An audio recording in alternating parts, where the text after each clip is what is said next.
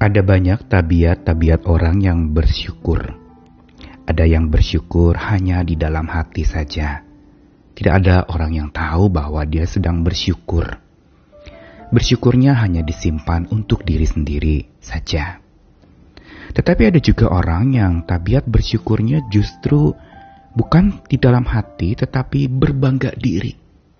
Bersyukur dengan ponga dan merasa bahwa dirinya hebat, bukan Tuhannya yang hebat merasa bahwa segala pencapaian yang diterimanya itu adalah satu kebanggaan diri. Karena begitu berbangga diri di dalam bersyukur, akhirnya syukur salah alamat. Lebih kepada pemegahan diri sendiri dan bukan memegahkan nama Tuhan.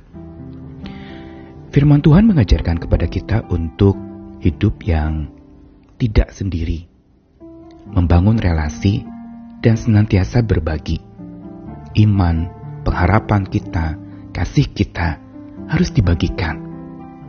Dan tentu saja bukan semata keharusan, tetapi ini adalah sebuah hak untuk setiap kita berbagi dengan orang lain.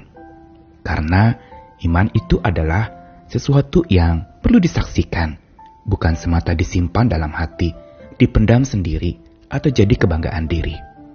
Begitu pula bersyukur. Kita perlu belajar untuk berbagi bersyukur, mewartakan setia Tuhan. Saya Nikolas Kurniawan menemani di dalam Sabda Tuhan. Hari ini dari Mazmur 92 ayat yang kedua sampai kelima. Adalah baik untuk menyanyikan syukur kepada Tuhan dan untuk menyanyikan Mazmur bagi namamu ya yang maha tinggi. Untuk memberitakan kasih setiamu di waktu pagi dan kesetiaanmu di waktu malam. Dengan bunyi-bunyian sepuluh tali dan dengan gambus, dengan iringan kecapi Sebab telah kau buat aku bersuka cita, ya Tuhan, dengan pekerjaanmu. Karena perbuatan tanganmu, aku akan bersorak-sorai. Mazmur yang sama seperti yang kemarin sudah dibicarakan, yaitu Mazmur Sabat. Mazmur di mana seseorang merenungkan akan karya Tuhan yang sudah dia alami dan dia bersyukur menghitung-hitung betapa banyaknya, betapa besarnya apa yang Tuhan sudah berikan.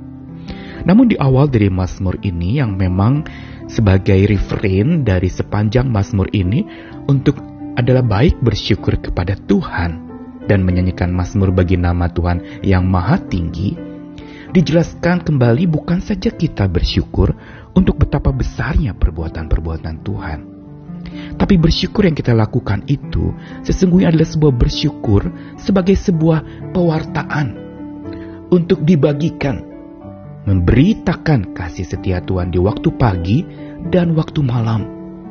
Dan tentu saja di sini digambarkan lagi bagaimana pemberitaan atau pewartaan kesaksian tentang syukur yang kita alami di dalam hidup karena kasih setia Tuhan itu bahkan ditandai dengan sebuah bunyi-bunyian yang diperdengarkan sampai orang bisa mengetahui ada syukur di sana.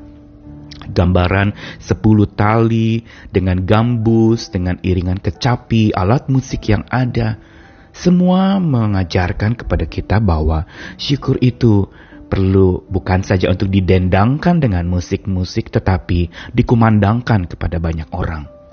Berbagi syukur memang menjadi sulit hari ini, di mana orang menjadi individualis dan begitu egois, hanya memikirkan diri sendiri ketika sendiri sudah sehat, lupa sama orang lain untuk berbagi. Ketika kita sudah mencapai sebuah pencapaian, lupa untuk menyaksikan bagaimana Tuhan berkarya dalam pencapaian itu. Dan begitu pula ketika kita mungkin mendapatkan berkat, kita lupa berbagi syukur kepada orang lain betapa Tuhan itu sumber berkat sudah memberkati hidup kita.